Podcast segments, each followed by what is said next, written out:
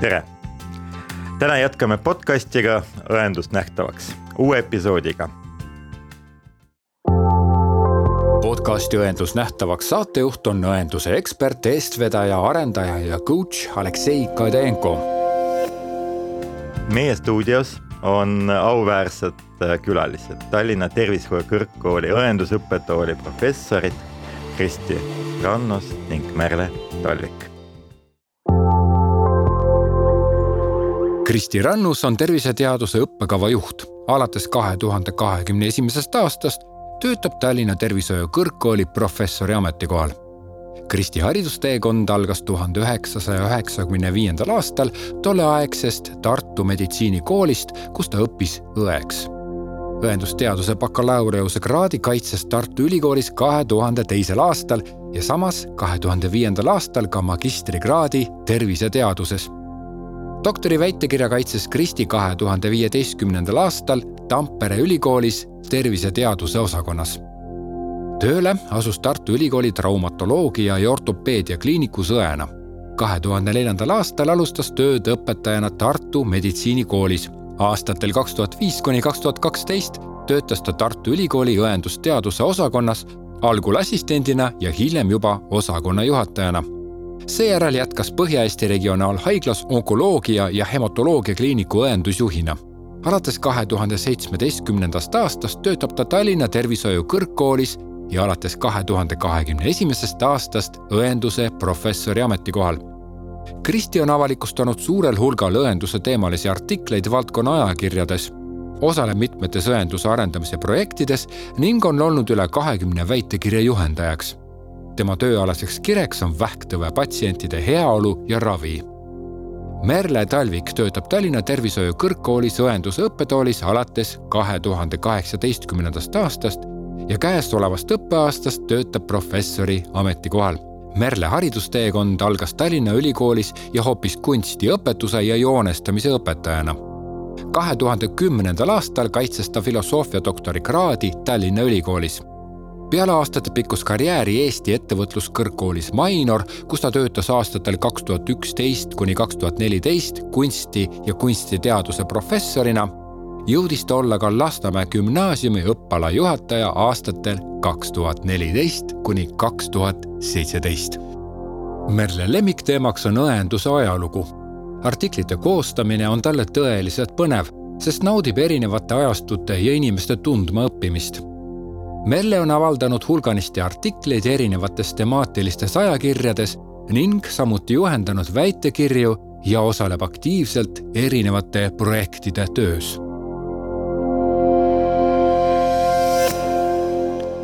tere! tere! tere! arutame täna väga põneva teema üle nagu teadusõenduses. et maailmas see teema ei ole küll uus, aga Eesti õenduses on see erakordne arengusamm kogu Eesti õendusele ja selle arengule. ja sissejuhatuseks ma sooviks siis uurida, kust tulevad professorid? Merle. eks nad tulevad ülikoolidest, ütleme nõnda. et äh, mina, mina tulen Tallinna Ülikoolist ja mina ei olegi äh, oma tausta poolest õde, vaid tegelikult ma tulen humanitaarvaldkonnast ja, ja tegin oma doktorikraadi Äh, kultuuriajaloo erialal ja siis sattusin siia tervishoiu kõrgkooli. ja, ja olen tegelikult liikunud, liikunud nagu humanitaariast sotsiaaliasse, noh teadlasena olen ma natukene nagu liikunud, vahetanud valdkondi. Ja, ja nüüd ma olen noh, nii-öelda õenduse ajalooga tegelema hakanud ja see on kuidagi väga-väga huvitav olnud ja see on haakinud nagu selle äh, tervisekõrgkooli äh, teaduse olemuse ja teaduse suundadega. ja peab ütlema, et, et see on täitsa huvitav teekond olnud. nii, aga professor Annus, kuidas teie kommenteerite, kust tulevad meie professorid? ja meie professorid, no ma saan jälle enda näitest rääkida, et et äh, minu äh, tee sai alguse samamoodi ülikoolist, Tartu Ülikoolist, kus äh, tegelikult minu esimene õendusteaduse õppejõud Ilme Aro mind äh, märkas ja ütles, et ma peaksin ja võiksin sellega edasi tegeleda. aga teaduse vastu peab olema ka teatud armastus lisaks sellele, et sa armastad oma professiooni. et äh, ma olin tubli õde, aga see, et mul tekkis armastus ka äh, teadustöö põhimõtete vastu seal ma pean tänama äh, Tartu Ülikoolis tollal olnud ähm, äh, õppejõudu Eda Merisalu, kes näitas mulle, mida see on. ta võttis mind tegelikult juba tollal Tartu meditsiinikooli ajal, võttis mind juhendada ja, ja siis ma sain teada, mis see on ja, ja, ja ma nägin ka seda, mida see tegelikult tähendab, millest sa pead loobuma, et teha teadust. Äh, ja, ja sealt läks see edasi, et, et nagu ma ütlesin, minu õppejõud äh, Ilme Aro oli tõesti see, kes ütles mulle, et äh, kui sina tahad õpetada teisi, siis sa pead tegema doktorikraadi. et, et, et ikkagi professor peab olema ennekõike õpetaja ja oma professiooni armastama ja ta peab olema ka siis vastava haridustasemega ja ja, ja siis eh, minu ettevalmistus just nimelt õendusteaduse professorina on eh, Tampere ülikoolist, sest Eestis eh, doktoriõpet õendusteaduse valdkonnas või mis tahes terviseteaduse valdkonnas ei olnud võimalik saada. Ja nii et, et kolmas akadeemiline ema, kes mul on olnud, on professor Tarja Suominen. Eh, kellelt ma olen siis eh, püüdnud õppida võimalikult palju, kuidas olla professor. ja, ja mul on üks akadeemiline isa ka, eh, professor Dikon Veerju, kes nõustab mind praegu lausa iga kuu, kuida-, kuidas saada paremaks professoriks, sest meil ei ole see Eestis veel sisse käidud rada, meil ei ole teada, et kui ütleme näiteks ameeriklased saavad nagu rivistada ennast äh, oma professorite järgi, neil on eeskujud ees, neil on täpselt teada, mida nad peavad tegema ja ja, ja nad saavad noh, väga häid õpetusi sealt kaasa, siis meie peame ikka teisi kuulama praegu ja, ja hea on, kui meil on need, kes meid siis käe kõrval viivad edasi sellest ees aitäh, väga põnev, eriti arvestades, et meie laua taga äh, on sattunud äh, kaks professorit, kes on oma teekonna alustanud äh, väga erinevates valdkondades, et aga ma küsiks siin kohapeal võib-olla sellist intrigeeriva küsimuse või mitte, aga mis on teie teadushuvid? Merle on juba puudutanud seda natukene oma vastut-, vastuses, aga siiski, et äh, millised nagu projektid on teie juhendamisel äh, praegu käivad, et natukene avalikustage seda oma, oma maailmast, et Kristi. Jaa no mina võin ikkagi veel öelda, et äh, minu kõige suurem projekt on äh, magistriõpe üldse ja just nimelt eriõenduse valdkonnas. sest äh, et sellele tasemele viia Eestis õendusharidus on olnud, ma arvan, juba nagu elutöövääriline samm. et ma pean kõiki neid lendusid oma lasteks ja, ja ma tegelikult ka arvan, et et äh, see on nagu suurim asi, mida saab äh, õendusele anda, et me pakume seda haridust, me pakume eriõdedele äh, seda haridust, millega nad saavad olla paremad ja vastata nendele ühiskonna vajadustele, mis meil täna on. Jaa, aga minul on ka oma loomulikult huviobjektid, mille peale ma alati hakkan nagu noh kihelema et tekib selline isiklik huvi, on äh, tegelikult seotud ka eriõendusega, aga just nimelt siis äh, vähipatsientidega seotud äh, eriõendus on minu noh, kõige suurem südameasi. Ja ja mm, loomulikult siis ka kõik kliinilise õendusega seotud ja, ja oma ettevalmistusest ma saan väga hästi hakkama ka õendusjuhtimise ja pedagoogika teemadega uurimisvaldkonnas, sest et, et ma olen ka seda õppinud oma, oma elu jooksul. aitäh, et kolm põhilist nagu teema on siit välja koorunud ehk õendus, kliiniline õendus, õendusjuhtimine ning õenduspedagoogika. Merle, mis on sinu teadushuvideks? No minuga on niimoodi juhtunud elus, et mulle meeldivad kõik vanad asjad, vanad lood, vanad äh, raamatud ja nii edasi ja nii edasi. Äh, ja, ja sellest ajaloopisikust ma lahti ei saa. ja, ja kultuuri ajalugu on see, mida ma, millest ma elan ja hingan, kui nii võib öelda ja, ja see, kuidas õendus on tekkinud siin Eestis ja, ja kuivõrd on õendus seotud kultuuriga, kui kultuuriline see tegelikult on ja, ja mis on toimunud nagu erinevatel ajastutel, et, et kuidas näiteks nõukogude ajal õed Äh, kandsid tegelikult seda ideoloogiat ja, ja kuidas nende töö oli sellest, sellest läbi imbunud. no nagu ka paljud teised valdkonnad, ega siis mitte ainult tõenduse valdkond, et, et alates kunstist ja kirjandusest me ju teame, et, et see oli igal pool ja, ja kuidas nad siis endale äh, tee äh, iseseisvusele ehitasid tegelikult siis transformatsiooni ajal, et mis toimus.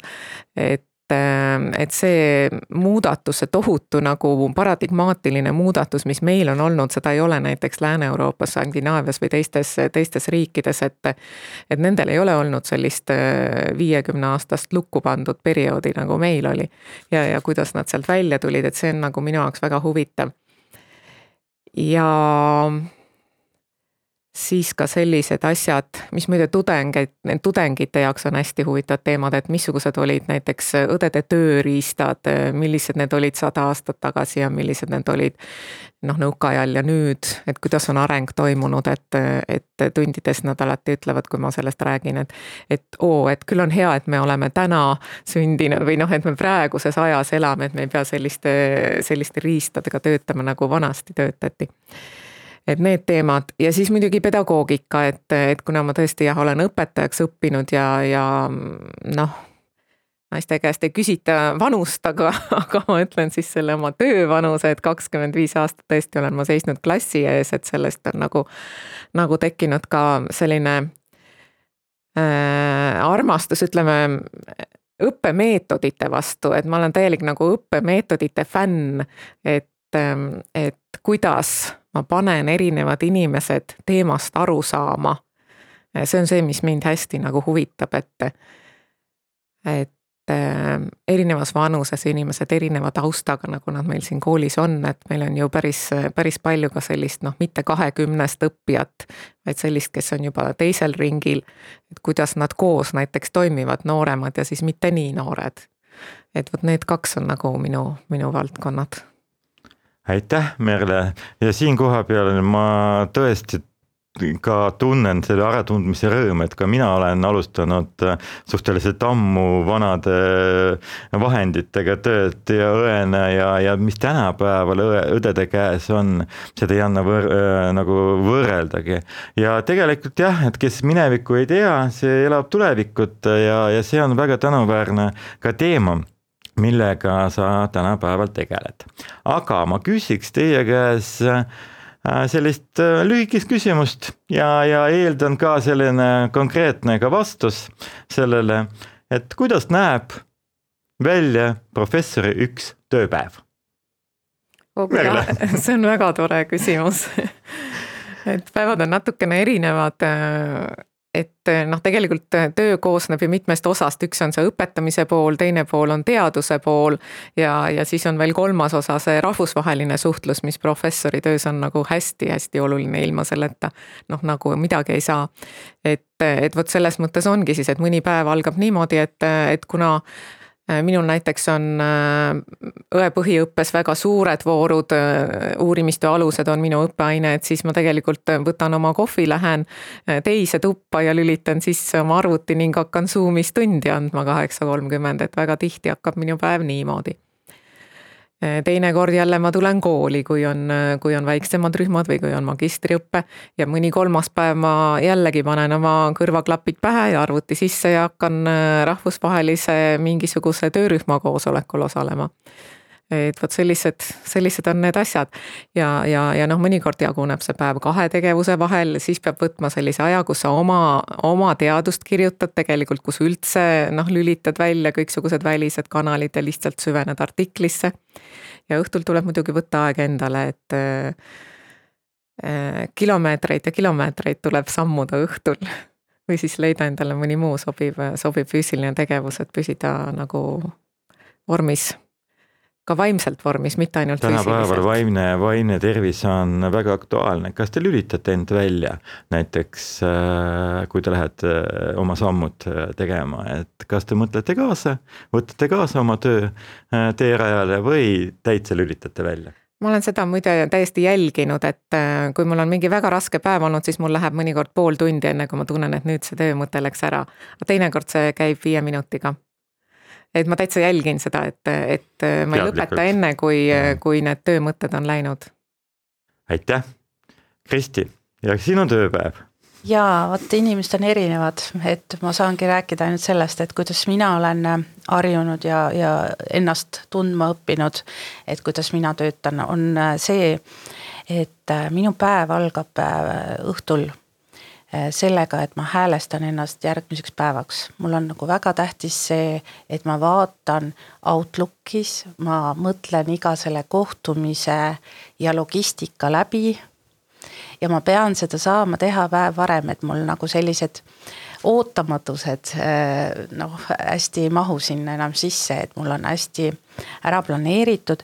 ja just sellepärast, et vot nagu Merlegi ütles, et ei ole sellist ühte kaitstud aega, kus sa saad teha seda eh, oma mõttetööd eh,. selles päevas on hästi palju kohtumisi, kohtumisi eh, kas eh, üliõpilastega või kolleegidega eh, ja kirjavahetusi, eh, mitmeid kirjavahetusi nii et, et, et ma mõtlen kõik need tegevused läbi ja, ja kui mul on tarvis teha mõttetööd, sest üks osa päevast kulub, ma ütleksin ikkagi administratiivtööle, see puudutab õppekava juhtimist ja, ja sellist äh, suhtlust. ja kui mul on vaja mõttetööd teha, siis ma pean sellega planeerima Outlooki. ma pean planeerima selle, et nüüd on see aeg, kus ma ei vaata telefoni, ma ei vaata arvutisse ja äh, mille ma olen ära õppinud äh, just selle mm, raske perioodi ajal, kui me pidime distantsilt töötama, on tõesti see, et kasutama kõiki mobiilseid vahendeid. ja mina näiteks äh, kõndimise ja käimise pealt just nimelt teen tööd mulle nagu meeldib just see, et ma eh, sellel ajal isegi leian mõnikord mõne lahenduse ja, ja siis, kui ma jõuan sihtpunkti, siis ma juba kirjutan vastuse ja mul on nagu see asi tehtud, et. et ma võiks küll öelda, et, et mõnikord nagu arvuti taga ei tule ja ei tule ja siis sa lihtsalt lased lahti sellest eh, mõttest ja, ja lähed ja liikud näiteks punktist A punkti B ja sellel ajal lahendad. et mulle väga meeldib see, ma olen eh, ka bussist vastanud väga olulisi töömeile meile ja asju ja mulle nagu just sobib see, et. et nagu vahetad keskkonda, siis nagu saad vahepeal sellest krambist üle. ja ja teine, kuidas ma lõõgastun, on kindlasti see, et vot see on asi, mida ma ei pea planeerima, mul on kaks väikest last ja nad lihtsalt tulevad ja nõuavad oma tähelepanu ja siis sa lihtsalt ei saa muule mõelda, nii et mul on nagu sellised elutreenerid olemas, kes mind nagu tagasi kutsuvad maa peale. suur tänu, vot ja, ja veel kord väga-väga äh, nagu innukalt äh, kirjeldate oma tööpäeva ja, ja äh, näha on, kui erinevad te olete ja, ja tegelikult tänapäeval äh, see on väga-väga hea, kui eri, inimesed väga erineva iseloomuga, erineva tööviisidega ja oskustega saavad kokku ja arendavad ühte asja. aga küsiks võib-olla jätk-, jätkuvalt samas teemas, et aga ka suhteliselt lühike vastus, et jagage oma, palun oma kogemusi, kuidas oli kirjutada viimast avaldatud artikli. nii, Merle viimast avaldatud artiklit. ma hetkeks lasin peast läbi, et mis see viimane nüüd oli et ähm, oli, oli tore kirjutada, tegelikult mulle üldse väga meeldib kirjutada selles mõttes, et, et see on üks mu, üks mu tõesti selline hingega, hingega asi ja mulle meeldib kirjutada ja ma lähen teemasse sisse. ja mida me tegime, kirjutasime ajakirjale Folkloor, mul on ka kaasautorid oma armsast õppetoolist. ja kirjutasime, kirjutasime Äh, õenduse kuningannade arhetüübist. alutada, alustasime Nightingale'ist ja jõudsime siis Eesti ajaloo kolme, äh, kolme suurkujuni välja. ja küsimus oli, et kuidas oli seda ja, teha, jah? noh, selles ja, mõttes, et mis see kogemus oli, et noh, mis hästi, te saite? hästi hea oli, äh, sina sai pilte juurde panna, kuna ma olen ka visuaalne inimene ja ja me lausa otsisime sellist ajakirja, kuhu, kuhu oleks võimalik ka pildimaterjali natukene lisada, sest et nüüd on ju, kuna pildi avaldamine on hästi kallis, see on seotud lubadega, autoriõiguse lubadega ja, ja tasudega ja nii edasi, et et siis me otsisime sellist ajakirja, kus on võimalik nagu pildimaterjali panna, loomulikult me võtsime selle turvaliselt, eks ju, nii nagu, nagu kõik eetikanormid ette näevad. Ja vahva oli ja võttis aega ja, ja protseduur oli pikk selles mõttes, et tõesti meie artikkel oli juba vastu võetud ja siis toimetust ei tulnud ja ei tulnud ja ei tulnud ja kui tuli, siis, siis see oli nii kaunis ja, ja juba selle artikli välimus, välimus sai väga kena. mis on veel minu selline omapära, mulle meeldib nagu füüsiliselt käes hoida raamatuid, et näiteks kui ma olen mingi, mingisuguse toimetatud raamatu, enda toimetatud või enda töörühmaga tehtud raamatu trükist kätte saanud, ma lausa nuusutan seda ra uue raamatu lõhna selles mõttes, et mulle, ma olen vist noh, selles mõttes vanaaegne inimene, et mulle meeldib raamatut käes hoida. kuigi seda konkreetset ja seda viimast publikatsiooni me siiski käes ei saanud hoida aga noh, sa pead muidugi ennast kohutavalt distsiplineerima, ütleme sellise rahvusvahelise teaduse juures, et, et sa ei saa nagu minna sinna sellise üleolekuga, et oh, mis see toimetaja teab, ma tean ise paremini. et noh, see on selline küll, mida võiks nagu noh, noortele võib-olla ka öelda, kes, kes satuvad kuulama, et võtke toimetajad kuulda, toimetajad on tõesti väga kogenud ja väga targad inimesed ja tehke need parandused ära ja siis te näete, milline, milline võimas tulemus nagu võib olla. aitäh, Merle äh,. Kristi no jaa, äh, üldiselt minu kogemused kõik äh, on väga ühesugused olnud, et kui ikkagi kirjutada artiklit, siis esimene suur kogemus on ikkagi see koostöö, kas see hakkab tööle kas äh, mõtleme sünkroonis või ei. ja, ja siis äh, sealt nagu tulebki ka see, et, et noh, ma mõtlen kohe ühe artikli peale, kus äh, oli siis koos kirjutasid Rootsi teadlane, Hollandi teadlane ja Eesti siis, mina. ja ja kuidas alguses oli see umbusaldamine et kas ikka on piisavalt tark ja kas ikka saab nagu noh, natuke vaatad nagu ka sellist ära, ärapanemist oli väheke, et noh, et, et okei okay,, tuli see statistika, et kuidas siis nüüd keegi seda tõlgendab ja. ja see oli ka omamoodi selline nagu huvitav protsess, et sa nagu õpid üksteist tundma ja, ja aga lõpuks siis saabub selline respekt kus siis äh, antakse üksteisele au ja sõna ja, ja hakkab siis ja siis kuni siis lõpuni välja, kus tekib siis see olukord, kus otsustatakse, et mis järjekorras siis autorid lähevad, see on ka hästi oluline selle kirjutamise protsessi juures, et kes siis ikkagi kui palju panustas. ja millises järjekorras ja keda üldse välja jätta või keda nagu kaasata, et see on nagu ka eh, selline põnev põnev nagu vaadata seda, seda, kuidas see tekib, see järjestus. mul on just praegu ja. ühe, ühe artikliga täpselt see etapp käsil. see on nagu hästi huvitav, selline mentaalne selline just, just, pinge on õhus, et kes on mitmes, see on ikka väga tähtis, peaaegu sama tähtis kui artikli kirjutamine ise. ja, ja loomulikult nagu kõige parema emotsiooniga on ikka see hetk, kui sa saad sealt ajakirjast selle, et on vastu võetud, noh, see on nagu kirjeldamatu, et see on. see on nagu see hetk, kus sa tahad tervele maailmale esiteks seda teatada kuigi see ei ole veel, artikkel pole avaldunud, aga lihtsalt see, see üks email sinu postkastis võib äh, tõesti teha su päeva ja siis sa tahad seda kohe kõigile öelda. ja, ja loomulikult sa ei jõua ära oodata, noh siis sa muidugi, siis saabub see hetk, kus sa saad tagasi need parandusettepanekud. millega alguses ei ole nagu väga nõus ja siis ja kui sa need ära teed, siis minul on küll nii olnud, et et pärast ma olen nagu tänulik, et tegelikult sai küll parem. sai parem ja on, on et ise lihtsalt nagu ei näe ja sa ei taha nagu leppida sellega alguses, et aga mul oli just siin see mõte. ja üks huvitav nüanss veel, mis ma vaatasin, on hästi põnev, et, et meie oleme eestlased aga kui sa kirjutad rahvusvaheliselt koos e, ja noh, näiteks minul oli soomlastega nüüd, mm, me just oleme esitamas ühte artiklit, kus Soome ja Eesti kolleegid kirjutavad ingliskeelset artiklit ja teate, kui palju tekkis seal seda tõlkes kaduma läinud, kui, kui keeruline see nagu oli, et kuidas nemad tõlkisid seda inglise keelde ja kuidas mina sellest aru sain. ja lõpuks nagu jõuda selle versioonini, et kõik said ühtemoodi aru, see oli ka nagu väga hea tunne, et noh, lõpuks me oleme rahul, me oleme nagu kõik rahul ja, ja nüüd me ootame ka, et, et saaks selle artikli mm, esitada. Ja, ja ka konverentsil tutvustada aitäh, et äh, kuulajad kahjuks seda ei näe, aga mina võin kommenteerida, et meie tuba praegu läks särama kümnekordseks, sellest mõlemal professoril arutelu käigus silmad pritsisid seda sära, äh, sest nad on selle teemaga niivõrd lähedalt ja, ja, ja nad olid väga-väga-väga õnnelikute nägudega, kui rääkisid sellest teemast.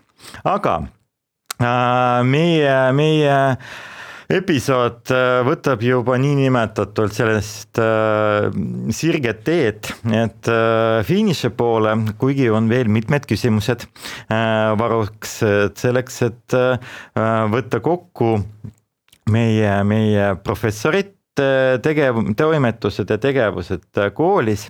ma küsiks, et kes on teie rahvusvahelise, äh, partnerid rahvusvahelisel areenil ja millist koostööd te nendega teete?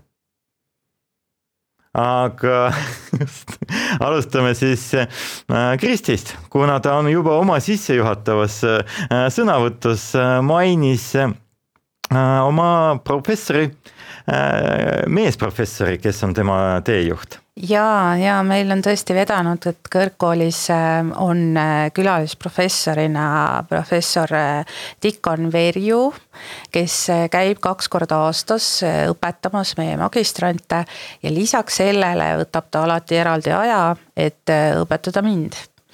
ja mul on see privileeg olnud temaga siis sellist noh eh, nagu nõustamist või, või konsultatsiooni eh, saada professuuri osas ja ja tegelikult eh, noh, tema on nii maailma kodanik, et ma isegi ei, ei piiritleks teda ühegi ülikooliga, kes tahab, see, see saab selle kohta uurida.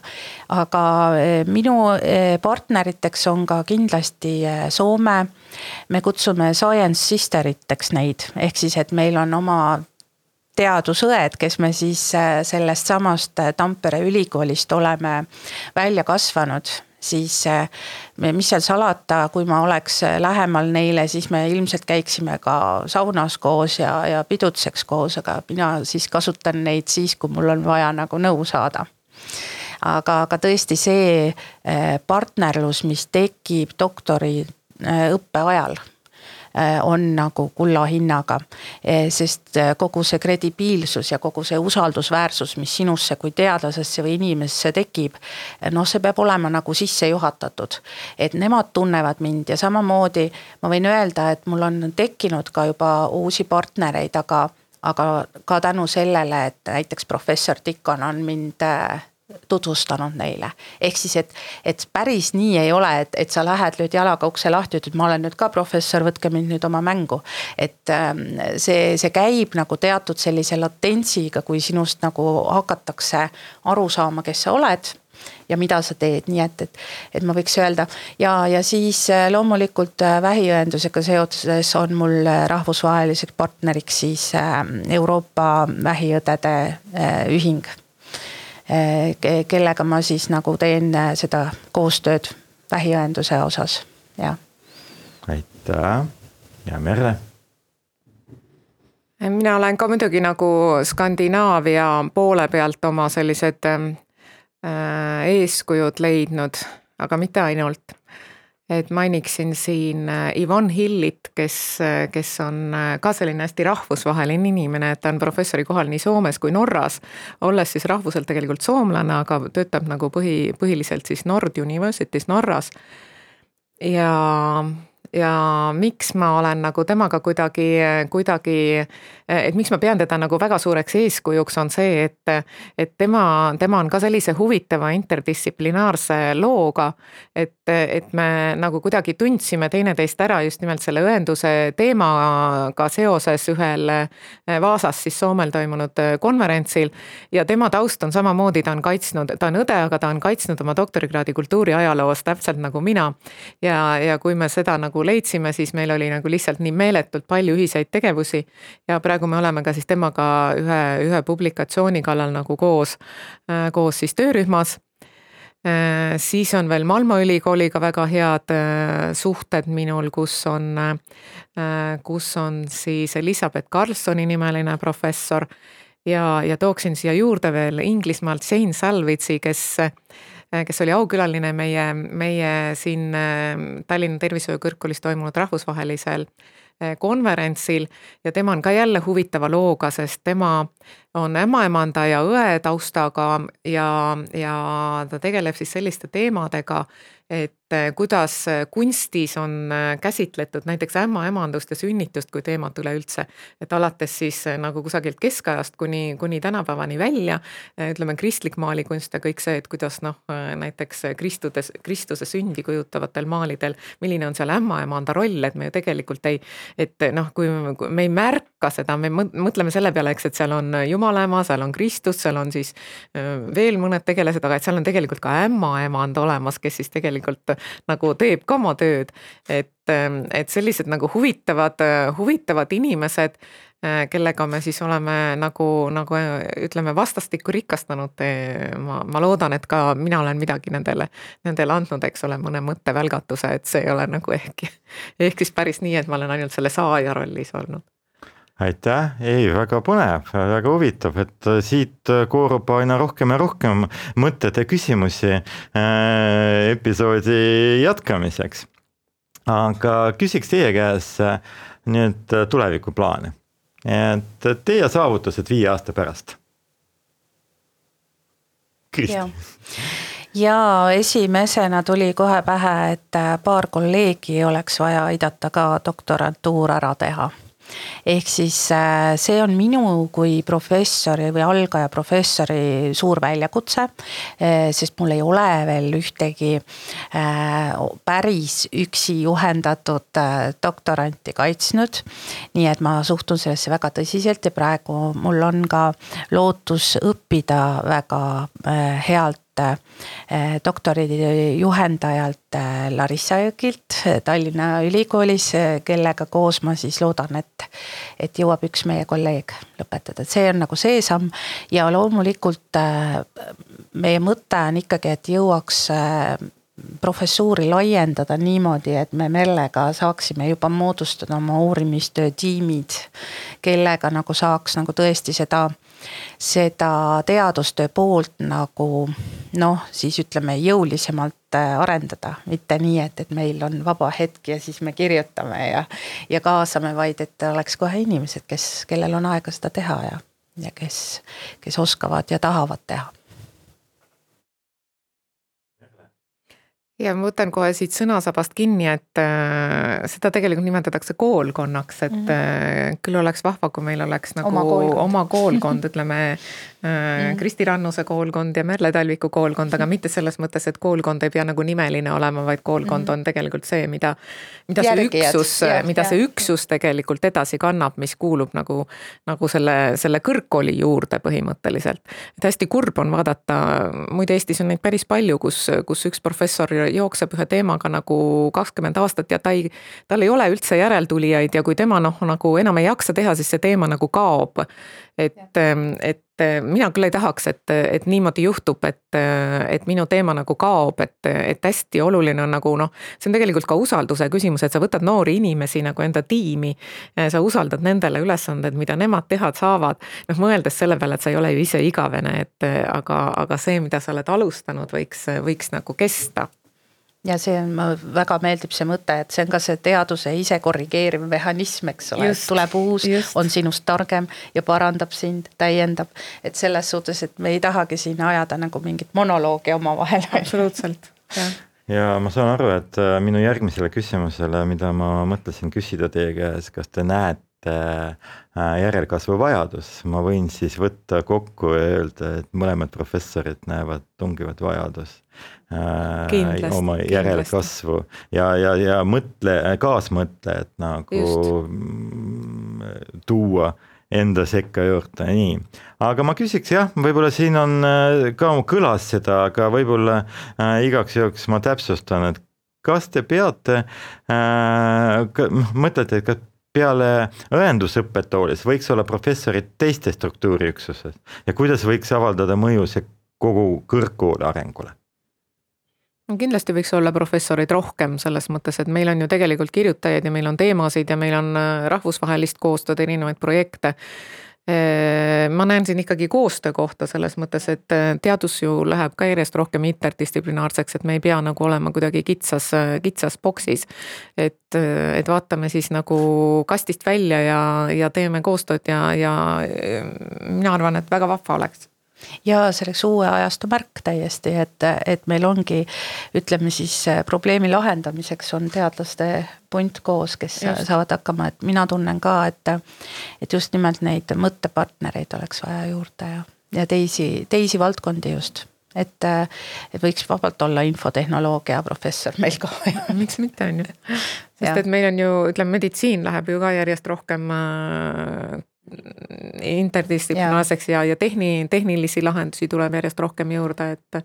ma olen äh, täitsa nõus teiega, aga mm, selliseks viimaseks küsimuseks, et äh, mis te arvate äh,, kui reaalne ja kui kiiresti tegelikult võiks äh, sellist asja äh, realiseerida, nagu kas äh, meie koolis võiks arendada nii, kuidas öelda, doktoriõpe. Äh, no vist, vist praegu nagu seaduse järgi me ei saa rakenduskõrgkoolis doktoriõpet kui niisugust avada, aga. no me räägime viie aasta perspektiivis. no vot seda me ei tea, kuidas, kuidas viie aasta pärast on, aga juba praegu on kindlasti võimalik sellised koostöökohad, et miks ei või meie, meie kõrgkool näiteks mingisuguse teise, ütleme suure ülikooli sees pakkuda mingisugust moodulit või mingisugust oskust või, või mingit väikest rida teha, et, et selline koostöö peaks küll juba täna olema võimalik no mina olen äh, ajalooliselt sattunud korra sellisesse olukorda, kus esitati Eestile küsimus, et kas Eestis peaks olema äh, õendusteaduse doktoriõpe just nimelt ja. ja, ja siis ma töötasin Tartu Ülikoolis osakonna juhatajana ja siis me jõudsime järeldusele, et Eesti on liiga väike selleks et vähemalt riigi rahadel nagu hakata doktorikraadiga õendusteadusi õpetama, aga täna ma näen, et äh, ühendõppekavadena oleks see täiesti tehtav, eriti kui me oleme praegu teinud meeletu hüppe kaugõppe meetodite osas. Mm. ehk siis, et äh, on täiesti võimalik teha mingi rahvusvahelise ülikooliga koos koostööd eh, niimoodi, et inimesed õpivad siin ja, ja, ja saavad samas sellise Äh, doktorikraadi hariduse. ja noh, ma tahangi öelda seda, et, et kui, kui vaadata seda, et kui kiiresti kõik muutub, siis äh, minu doktoriõpingute algusest kaitsmiseni kulus kümme aastat kümme aastat kuni sellest, kus ma hakkasin töö kõrvalt Soomes käima kogu aeg midagi tegemas. siis täna on täiesti reaalne nelja aastaga ära kaitsta oma doktor.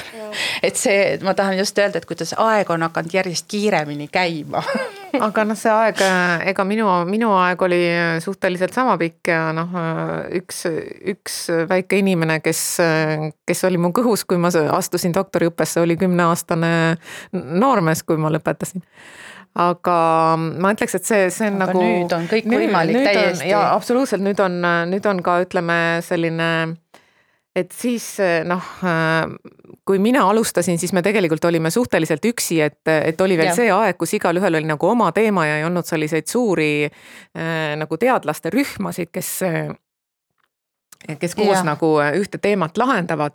et äh, kuna nüüd on see, see kultuur jõudnud palju rohkem Eestisse, siis ongi kergem kaitsta selles mõttes, et sul mhm. on meeskond mm. -hmm. seal on nagu peajuhendaja, siis on veel abijuhendajad, siis on seal doktorandid, magistrandid. kui teema saab valmis, siis on kõik, kõik oma etapi nagu valmis teinud ja kaitsnud ja seetõttu on asi tegelikult palju kergem. aga jällegi vaadates Skandinaaviasse, neil on see ammu juba nii, on ju. et jah, et muidugi ja, ja, ja on olemas ka need joint õppekavad, et äh, nii-öelda siis ühisõppekavad, millest absoluutselt mingi väike osa võiks ju olla mm siin meie kõrgkoolis. Mm. aga minu poolt siis suur-suur tänu, professor Kristi Rannus, professor Merle Talvik selle väga meeldiva vestluse äh, ees. Ja, ja tänu, tänan teid selle võimaluse eest, et piiluda sinna õendusprofessori elu sisse, et see on tegelikult väga vahva ja mõnus jälgida teie tegevuse kõrval. aga peale tänast äh, episoodi ma usun, et paljudel tekivad äh, mõtted, et äh, ka võtta teid eeskujuks ja, ja, ja tulla kasvõi teie juurde ja küsida nõu, aga kuidas saada professoriks. aitäh teile. aitäh. aitäh.